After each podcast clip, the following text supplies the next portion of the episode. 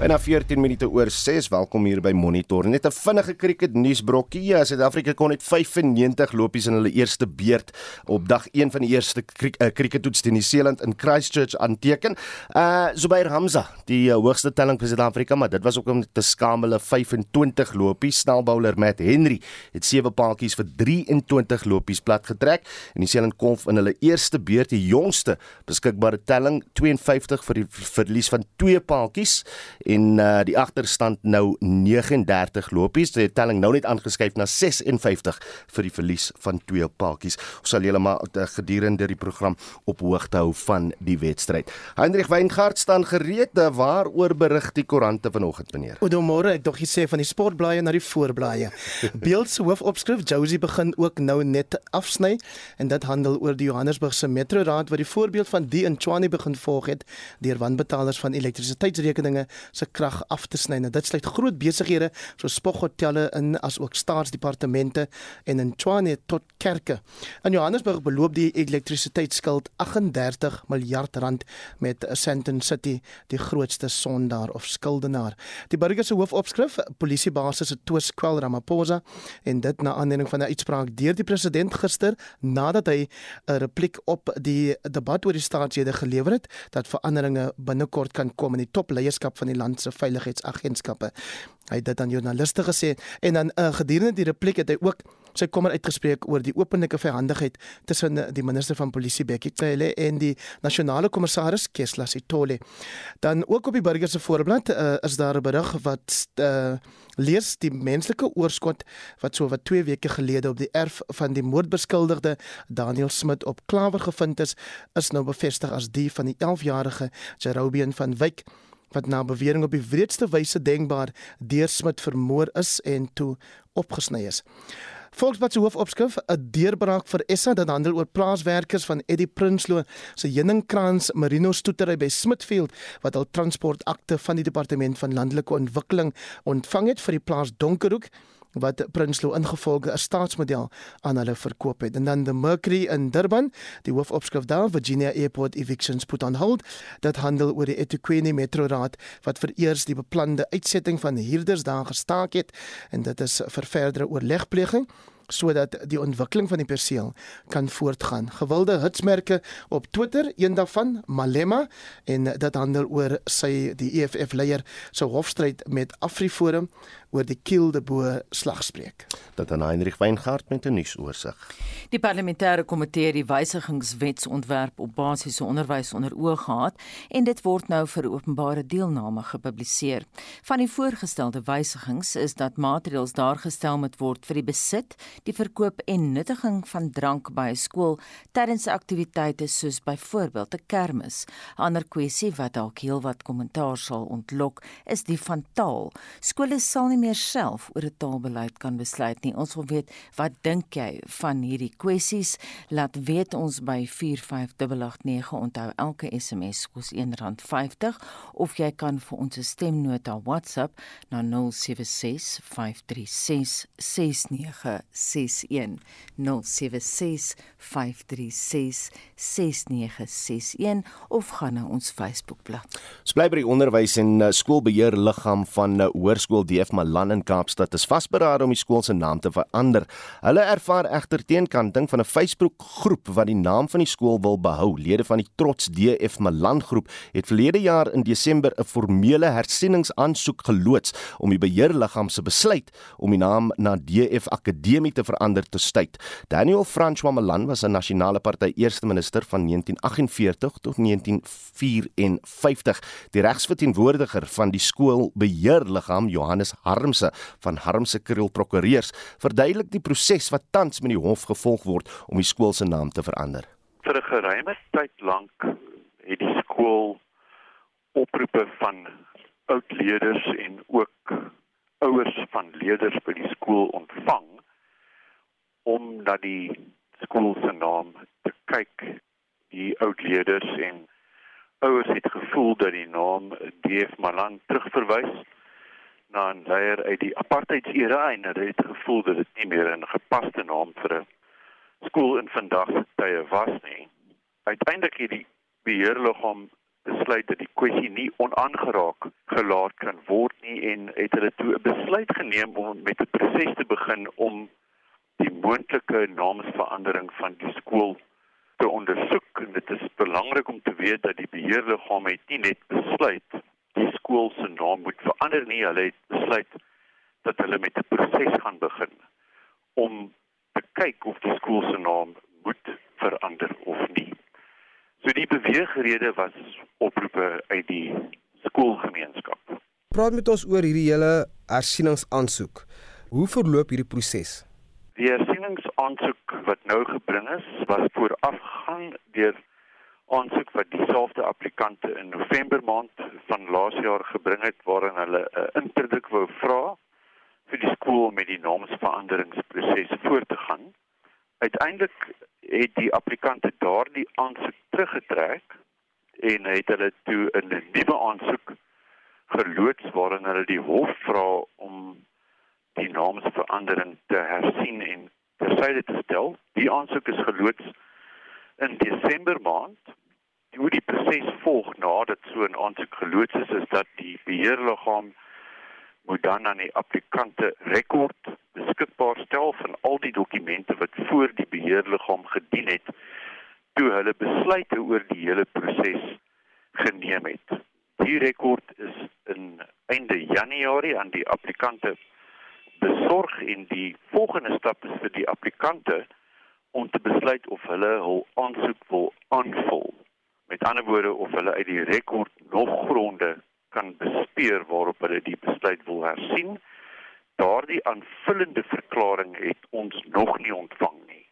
So as ek nou vra oor die proses moet beantwoord, kan ek slegs beantwoord op grond van die dokumente wat tans geleaseer is. Ons verwag wel dat die applikante 'n aanvullende verklaring gaan leaseer. En ons verwag daardie verklaring deur die loop van hierdie week. Na ontvangs van daardie verklaring moet die beheerliggaam dan hul opinierende verklaring aflewer en daarna kan die applikante repliseer en wat volg dan is 'n verhoordatum wanneer die hersieningsaansoek voor die Hooggeregshof beredeneer word. Julle tans dan 'n hele paar uitdagings. Daar is 'n groep wat teen hierdie naamsverandering is. Hulle noem hulle self die Trots DF Malan groep op Facebook. Hoe sal hulle betrokkenheid miskien die proses vertraag? Sover ons weet, is die vier applikante, die vier persone wat die aansoek geloods het, deel van daardie Facebook groep. So hulle is baie betrokke in die aansoek self. Wat die groep doen op Facebook self is nie regtig relevant tot die hofproses nie. Die hof uiteindelik kyk na die aansoekstukke wat voor hom gedien word en die hof kyk nou net na Facebook om te besluit of die proses korrek was of nie. Miskien van belang is dat die applikant se aansoek teen die skool het twee bene. Die eerste been is dat die applikant sê dat die beheerliggaam het nie die magte gehad enige besluit oor die skool se naamsverandering te neem nie. En tweedens sê daardie applikante dat indien die beheerliggaam wel daardie magte gehad het, die proses wat gevolg is verkeerd was. Ek kan jou sê dat die die beheerliggaam se antwoord sal wees dat dit is wel die beheerliggaam wat die magte het om daardie besluit te neem en dat die proses wat uiteindelik gevolg is alle belanghebbende partye betrek het dat die proses deursigtig was en dat dit uiteindelik gelei het tot 'n besluit dat die skool se simbole wat nou die naam insluit hersien word. En dit was Johannes Harmse van Harmse Kriel Prokureurs, die regsverteenwoordiger van Hoërskool Deef Malan in Kaapstad se skoolbeheerliggaam. Hy het met Vincent Mofokeng gepraat. En ons bly by die storie die bestuurshoof van die Suid-Afrikaanse Onderwysers en die Chris Klopper sê intussen dat dit die skoolbeheerliggaam en die gemeenskap se taak is om enige naamsveranderings te bestuur ding wat belangrik is dat die SOE beskou die proses wat lei tot 'n moontlike naamsverandering of die nie verandering daarvan as van baie groot belang. In die eerste plek, dan moet onderskei word tussen staatskole en openbare skole in Suid-Afrika. Het ons openbare skoolbedeling waar die beheerliggaam die ouers van daai kinders verteenwoordig en ook tot 'n groot mate die gemeenskap verteenwoordig. So dit is belangrik om daai onderskeid te tref. So dit is 'n aangeleentheid wat moet kom uit die geleerdere van die ouers en die beheerliggaam. Die beheerliggaam moet 'n proses volg van openbare gesprekvoering, konsultasie met alle belanghebbende partye en dan baie belangrik, beheerliggaam moet optree in die beste belang van die skool. Hulle het 'n fidusiëre verantwoordelikheid teenoor die skool en daarom moet daai besluit so geneem word dat dit die beste belang van die skool sal dien. Ek dink deel van die gesprekvoering en deel van die beraadslaging en denke moet wees dat hulle moet sensitief wees dat sekere name kan kwetsend wees. Dit kan mense herinner aan 'n tydvak waarmee hulle ongemaklik is. En as daar 'n beduidende gedeelte van daai gemeenskap weet jy in die skool se leerderbevolking en die skool se ouerbevolking is, sal dit nie wys wees as hulle dit nie netjies oorweeg nie. So die kwessie van die naamsverandering is ons standpunt dit moet kom uit die skool, deur die skool en in die beste belang van die skool. En ek dink baie belangrik is dat 'n mens moet daai sensitiwiteit by almal kweek en mense moet ook in ag neem jy sal nooit 'n besluit kan neem waarmee almal 100% tevrede sal wees nie. Maar die beheerliggaam se plig is om in die beste belang van 'n skool op te tree en na hy dit gedoen het, doen na behoorlike beraadslaging met alle belanghebbende partye. Kom ons praat gou oor hoofs. As ons kyk nasionaal, daar's verskeie skole met name wat nog steeds aan die apartheid era gekoppel word. Is daar so gesprek nou tans in die gang? Daar is nie 'n definitiewe dryf daarvoor dat daar gesê word en dan word opdrag gegee aan skoolgemeenskappe om nou dadelik te begin met 'n proses van naamsverandering. Maar wat ek wel kan bevestig is Talle skoolgemeenskappe het reeds in daai gesprekvoeringsprosesse ingetree en hulle het byvoorbeeld skole se name verander. 'n Tipiese voorbeeld is hier in Pretoria waar die hoërskool Hendrik Verwoed hulle naam verander het na om die bepaalde geografiese area te verteenwoordig. Ons weet ook byvoorbeeld daar's 'n laerskool in Randburg. Dit was laerskool Betsy Verwoed. Die skoolgemeenskap die demografie het verander en die demografie het gesê dat hulle is nie gemaklik met die naam Laerskool Betsy Verwoerd nie en as ek reg onthou is dit nou Westgold Primary School. So daai prosesse vind natuurlikerwys plaas, maar weer eens 'n verantwoordelike beheerliggaam sal sensitief wees en sensitief wees op tot sekere name sonder dat dit enigsins mense afhanteer. En so sê Chris Klopper, hy is die bestuurshoof van die Suid-Afrikaanse Onderwysersunie en hy het met Vincent Mofokeng gepraat. 'n Amerikaanse pasiënt met leukemie het die eerste vrou en die derde persoon geword om na 'n stamseloorplanting van HIV genees te wees. Die skenker het 'n natuurlike weerstand teen die virus wat vigs veroorsaak. Die geval was ook die eerste wat naalstrengbloed behels, 'n nuwe benadering wat die behandeling aan meer mense beskikbaar kan stel. Dr Marije van Skalkwyk, 'n mediese beampte by Tygerberg se HIV-infeksiekliniek, het met Vincent Mofokeng gepraat. Ek dink dit was nou onlangs op die Krooi konferensie wat in Amerika die groot HIV konferensie wat altyd elke keer daar gehou word. Het hulle dit nou bekend gemaak dat daar nou 'n derde geval is wat 'n HIV cure of funksionele cure gekry het na hierdie stamseloorplanting. Nee, dit is baie goeie nuus want natuurlik is dit fantasties om te weet daar is 'n manier wat ons kan gebruik om HIV en HIV te kan genees en die pasiënte waar dit van op toepassing is. Want dit is nou die een ding wat gesê moet word, dit is net moontlik als mens hierdie moeilike proses van 'n stamseloorplanting doen wat natuurlik nie sommer vir almal beskikbaar gaan wees nie. Baie interessant. Marije praat met ons oor hierdie naalstring prosedure. Hoe werk dit?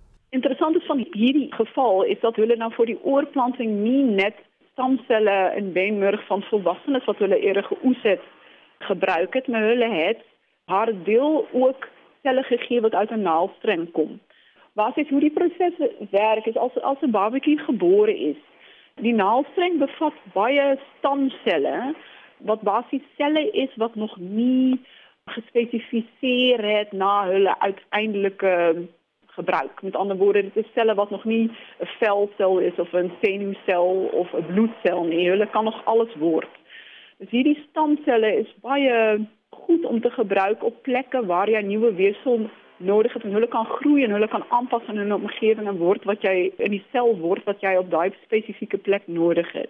Dus as mens stamselle in die beenmerg insit, dan hoop mens daai selle gaan nou beenmergselle word wat bloed gaan produseer sodat dit nou die bloed produseer met die DNA spesifiek van die donor en in hierdie geval nou die DNA wat 'n spesifieke reseptor op die selle mis waar HIV juist wil aandeel vat.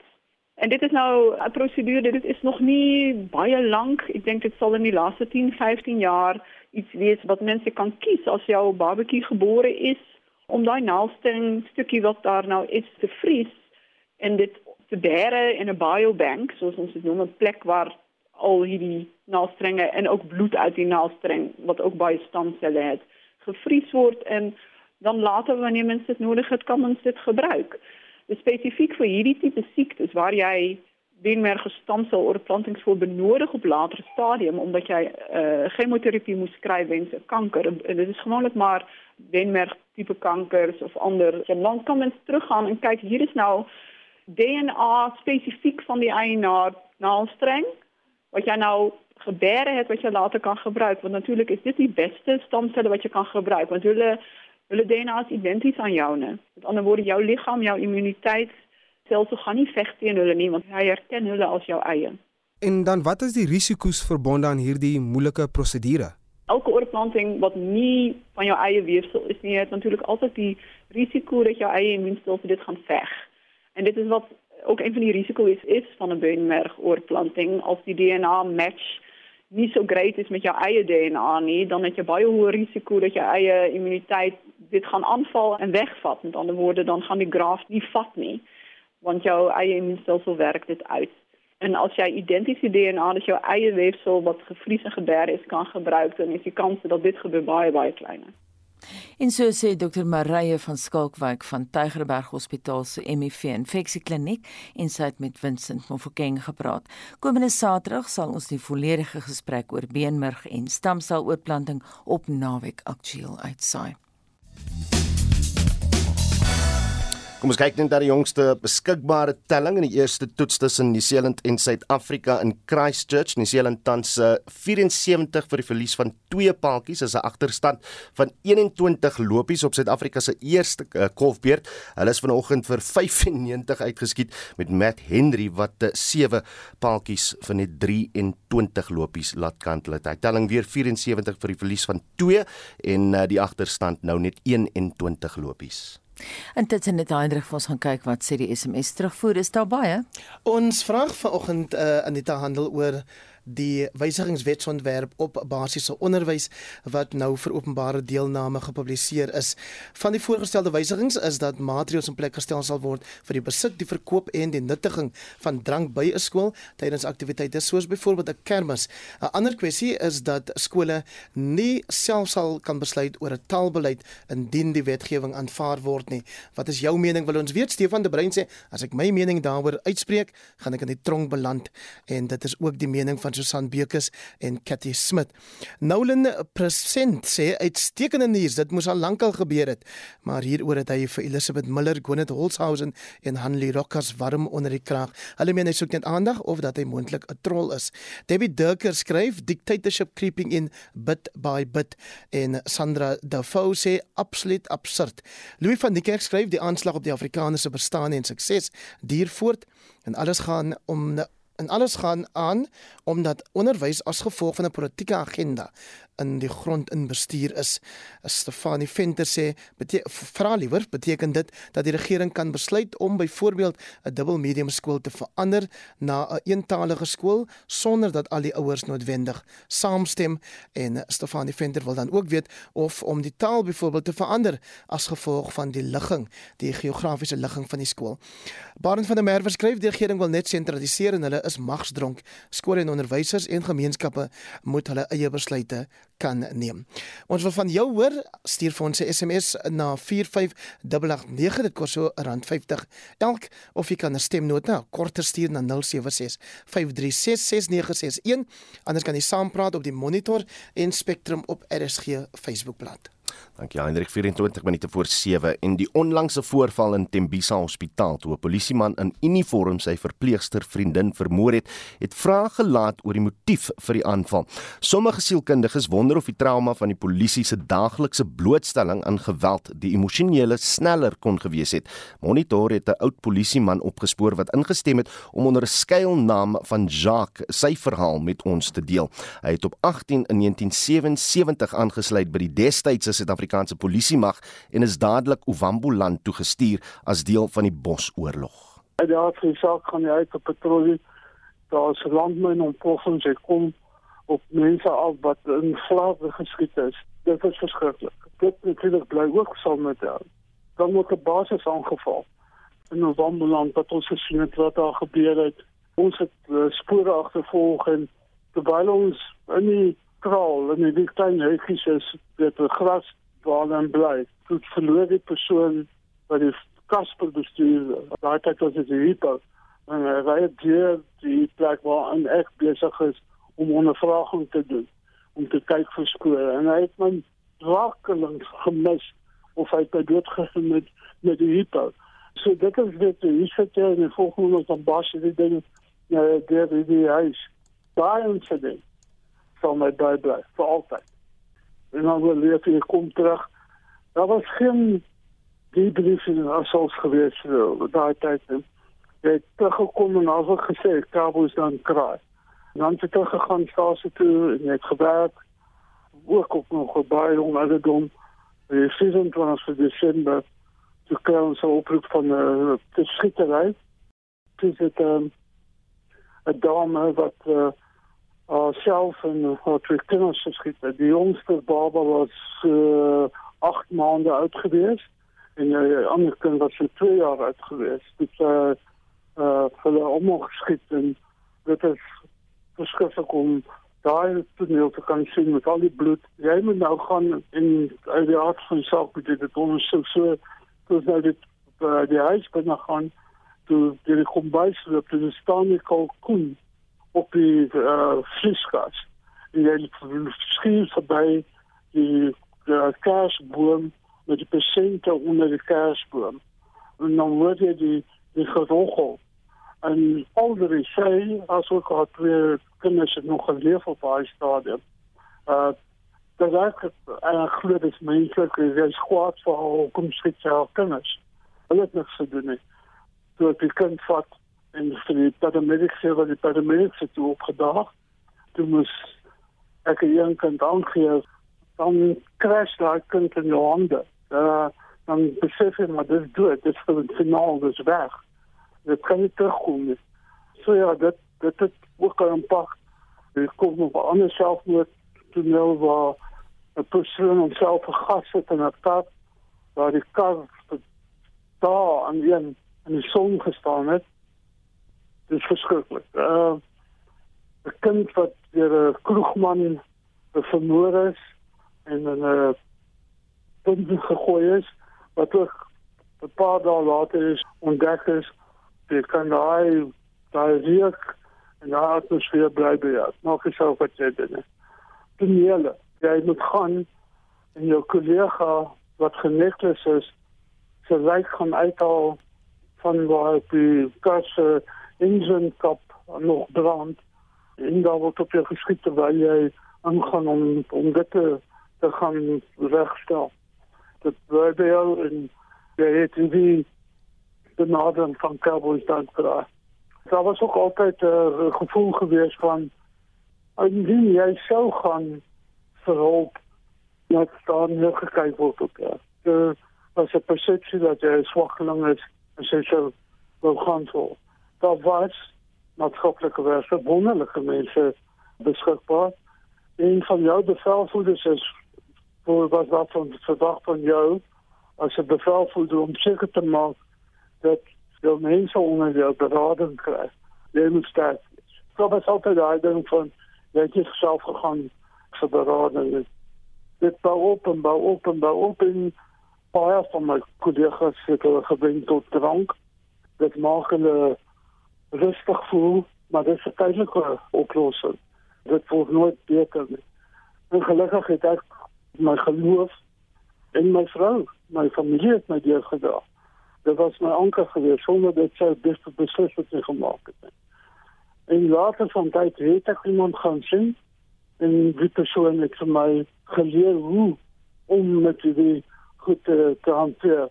Praat van daai eerste lelike incident met die gesinsmoord was terug in 1981. En ek kan vandag nog vir jou presies verduidelik waar, hoe en alles. Maar nou, nadat ek hulp gekry het, kan ek dit vertel sonder dat ek emosioneel neergevoel word. Ek het my geleer om my los te maak van die verskillende tonele en ervarings. So ja, dit is kort. Dit is my lewe, dit is moeilik geweest, maar verruilik vir niks. Hoe het jy geleer om jouself los te maak? Hoe maak 'n mens jouself los? Dit is 'n tegniek wat uh, die persoon my aangeleer het en vroeg vir my weer op kontent gemaak. Dus uh, daar's niks wat jy daaraan kon gedoen het om dit anders te goed te maak het. Alles wat jy van nou af vorentoe doen, moet jy daarop fokus om 'n verskil te maak. Wat is onder die terug? Ek kan nie die verlede herskryf of in die verlede bly leef nie. Probeer jouself losmaak daarvan. Die ondersteuning is die belangrikste. As jy nie daai ondersteuning het nie, baie mense dit gedoen het as die bottel alle uitweg. Maar dis nie so maklik om jou van die verlede los te maak nie. Jacques onthou vandag nog hoe dit was in die townships tydens die apartheidsjare. Daar word op jou gespoeg, met onlasting gegooi. Geen persoon of mens kan ons sulke goed konstant blootgestel word en dit hanteer en self hanteer. Dit is 'n manier. As jy nou terugkyk oor jou loopbaan, sou jy verkies het om 'n ander werk te doen? Glad. Nie. Glad nie. Ek glad nie spyt nie. Ek, ek is vir iemand wat met 'n mens moet werk en dit was vir my die geleentheid wat jy werk met mense van alle vlakke. Jou verskriklike krimineel en die feit dat jy mense kan help. Daar's niks meer belonend wat jy kan in die lewe as jy iemand kan help. Maar net dit hoef nie finansiëel te wees nie. Dit kan wees sonder dat hulle dit besef of dat jy dit sê.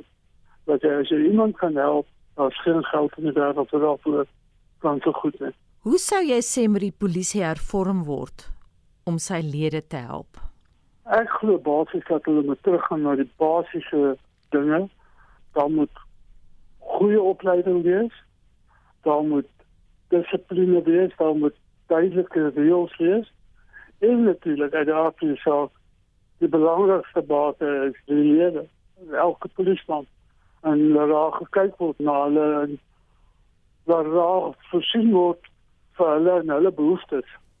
Dit dan 'n afgetrede polisieman wat onder die skuilnaam Jacques met ons Anita gepraat het. Die parlementêre portefeulje komitee oor die um, het oor die wysigingswetsontwerp op basiese onderwys besin en sal dit nou vir openbare deelname voorlê. Die wetsontwerp bepaal onder meer dat graad R in die toekoms verpligtend sal wees. Vir meer oor die moontlike veranderinge in openbare skole praat ons nou met 'n onafhanklike onderwyskenner en sigter, 'n stigter liewer van Go Teach, 'n organisasie wat skole bystaan om goeie gehalte onderwysers aan te stel, Dr. François Nudie. François, môre welkom by die program. Goeiemôre. Kom ons begin net met die graad R verpligting. Stem jy saam dat graad R verpligting moet wees? Ja, ek dink die intensie hier is goed. Dit is belangrik vir ons dat ons kinders vroeë ouderdom weer met formele leer kan begin. Um inteendeel, ek dink ons grondslagfase, die graad 1 tot graad 3 kan nog baie leer by hoe graad R gestruktureer word. Um maar ek dink op 'n uh, uh, in breed breedvoere is dit goed dat ons ons kinders vroeër in skole kry. Franco, wat dink jy van die wysiging dat indien jy 'n kind verhoed om skool toe te gaan, kan jy nou 12 maande tronkstraf kry in plaas van 6? Kyk, die ideologie is goed, die intensie is goed. Kom ons kry ons kinders in skole, kom ons weerhou hulle nie daarvan om skool toe te gaan nie. Maar as jy so iets wil deurvoer, is dit beter om jou samelewing op te voed oor die voordele hiervan as om dit te probeer dryf met strafmaatreëls. So, ek dink dit gaan wesentlike verskil maak of dit nou 6 maande is en of dit 12 maande is. Die die howe is oorvol, hulle is oorbelas, die tronke is vol. Weet die dis dis gaan verskriklik moeilik wees om hierdie tipe wetgewing uit te voer. So gepraat van strafmaatreëls, word die bestaande wetgewing in die verband werklik geïmplementeer, François? Nee, nie regtig nie. Um, ons ons sien nie regtig dat daar ouers is wat uh, tronk toe gaan vir daai 6 maande omdat hulle 'n kind weerhou daarvan om skool toe te gaan nie. So dit dit gebeur nie wesentlik nie. En ek dink daar's ander weet wetgewing in die land wat mense wil weet 'n bietjie meer belangrik is wat ook nie deurgevoer word nie. So nee, ek dink nie dit word deurgevoer nie. François, wat van die ontwrigting van skoolaktiwiteite? Is dit 'n misdryf? Kyk dit is belangrik dat ons skoolinfrastruktuur en die skooldag beskerm word. So met die nuwe uh, met hierdie wysigings, um, is dit dat skoolaktiwiteite as dit ontbreek word, is dit 'n misdryf. Maar um, ons as ons sien na die protesaksies wat by skole gebeur, by met ander ontwrigting, ons ons leerders is al reeds en baie verloor in die laaste ruk. Um, en vir die bietjie leer wat wel plaasvind, moet ons met alles probeer beskerm. 'n Skool se taal en toegangsbeleid sal moontlik voortaan vir goedkeuring voorgelê moet word. Ons het vroeër die week de, eh, by die onderwysersunie gehoor dat hulle dit aanskou as 'n oorlog teen die Afrikaanse taal. Is die wysiging sinvol en hoe strook dit met die behoeftes van 'n betrokke skoolgemeenskap? Hey, ek hou vol dat die gemeenskap weet beter wat die behoeftes van daai gemeenskap is. So die skool se beheerliggame um, moet 'n groot sê kan hê omtrent wat die toelatingsvereistes, wat die taalbeleid van die skool is. Ek dink hierdie is wel nog 'n stap deur die staat weet om, be om besluitneming te sentraliseer. Um en ek het dit ek dink ek Dinsdag het ek dit um in, in Spectrum het ek genoem dat ek dink die vir die behoud van die Afrikaanse taal gaan dit maar lê in die private sektor. Nou indien die wetgewing nou wel deurgevoer word, sal die minister die mag hê om iemand aan te stel om raad te gee oor die kurrikulum. Moet hierdie soort mag in die hande van die minister geplaas word? Ek dink die groot vraag is um, tot watter mate vertrou ons die staat om die beste besluite te neem vir die gemeenskappe. Um so wat word wat word bedoel daarmee dat as hulle sê dat hulle kan um groepe of mense aanstel om te adviseer of raad te gee. Beteken dit dat hierdie mense groot invloed gaan hê op die besluite wat geneem gaan word of is dit soos wat daar tans gemaak word met met kurrikulumbesluite dat dit voor 'n portefeulje komitee gelê word dat die insaag van die eksperts op dan um uh, geraadpleeg word of gaan dit beteken dat die minister ehm um, groter mag gaan hê om besluite te kan maak? Maar ehm um, nou hierdie ehm um, wetgewing of hierdie veranderinge is steeds oop vir openbare kommentaar en ek dink dit is belangrik dat skole en onderwysers en ouers soveel as moontlik insaag nog steeds lewer. Die die wetsontwerp maak ook voorsiening daarvoor dat die skool se gedragskode uit eenlopende kulturele oortuigings, godsdienstige en mediese redes in ag neem sou dit 'n welkome toevoeging wees en en en hoe gaan dit werk as 'n beheerliggaam byvoorbeeld miskien nie 'n weerspieëling is van die breër gemeenskap wat hy dien nie? Ek ons wil hê dat die skoolomgewing verwelkomend is vir alle leerders. En met weer eens, dis die gemeenskap, dis die beheerliggaam wat die die die behoeftes van daai gemeenskap baie beter verstaan. Um ons wil baie graag hê dat die ehm um, dit kulturele oortuigings, godsdienstige en mediese redes, ehm um, al hierdie tipe dinge moet dit vir 'n leerder en vir 'n gesin moontlik maak om in te skakel by 'n openbare skool.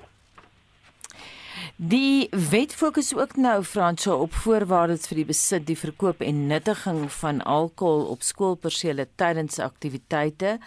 Hoekom is dit belangrik dat daar daai reëls moet wees? Maar ek dink nou terug aan my eie skooljare. Daar is alkohol genuttig tydens sekere funksies. Ek kan nie onthou dat daar ooit 'n boei daaroor was nie, François. Ja, ek moet sê hierdie hierdie was vir my ook interessant om uh, om raad te lees.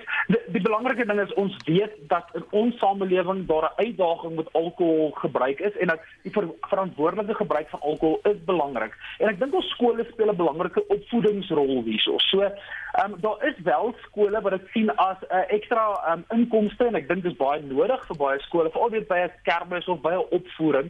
Maar die groot vraag hierso is ehm um, hoe help ons die gemeenskap om dit verantwoordelik te bestuur? Bestuur en hoe hou ons dit uit die hande van die leerders wat nie noodwendig toegang moet hê tot dit nie. En ek dink om um, 'n spesifieke beleid daaroor by die skool te hê, um, is 'n goeie 'n goeie stap, maar hoe dit dit gepolitieer gaan word of hoe dit uitgevoer gaan word, kan ek nie regtig sien dat daar te veel um, daaromtrent gaan gebeur nie. Met al hierdie wysigings uh, word daar nou groot gedebatteer oor of die mag wat lê by die minister of die LER van onderwys uh, net te veel is. Wat is jou mening daaroor?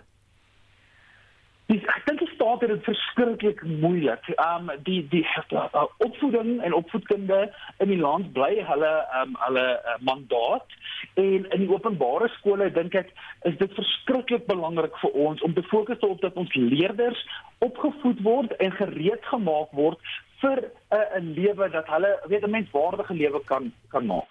So daai tipe besluitneming dink ek um, lê grootliks by die gemeenskappe, maar daar is ook 'n oorsig wat gehanteer moet word, gehandhaaf moet word deur die staat. Ek dink ons staat probeer te veel sentraliseer um, en te min vir ons gemeenskappe uh, uh, mag te gee oor hoe hulle die leerders in ons gemeenskappe wil opvoed. En dit was Dr. Frans Monodia, onafhanklike onderwyskenner en stigter van Go Teach, 'n organisasie wat skole bystaan om goeie gehalte onderwysers in diens te neem. Kom ek bring julle net vinnig op hoogte van die eerste toets eerste dag tussen Nieu-Seeland en Suid-Afrika. Suid-Afrika se 10 paadjies vanoggend vir net 95 lopies uh, laat kantel en Nieu-Seeland uh, tans aan hulle eerste kolfbeurt 91 vir die verlies van twee uh, uh, paadjies en die agterstand nou net 4 lopies ook 'n 50 vennootskap tussen uh, Henry Nichols en die mannetjie wat in Johannesburg gebore is Devin Conway 91 vir die verlies van 2 die agterstand net 4 lopies en van uh, jou gaan ons na Heinrich, toe Heinrich, hoe lyk jou SMS? Voordat ek dit nou nog vra, het jy baie terugvoer vir oggend. Want gewoonlik as dit oor taal gaan, dit mense baie te sê. In inderdaad so Anita, dit is ook waarop die meeste van die terugvoer fokus en dan lyk dit my asof heelwat van die luisteraars ehm um, dink dat daar gaan nou alkohol by skole verkoop kan word. Dit is nie so nie, dit dit het betrekking op funksies wat by die skool gehou word, soos byvoorbeeld kermisse of sê nou maar gala aande.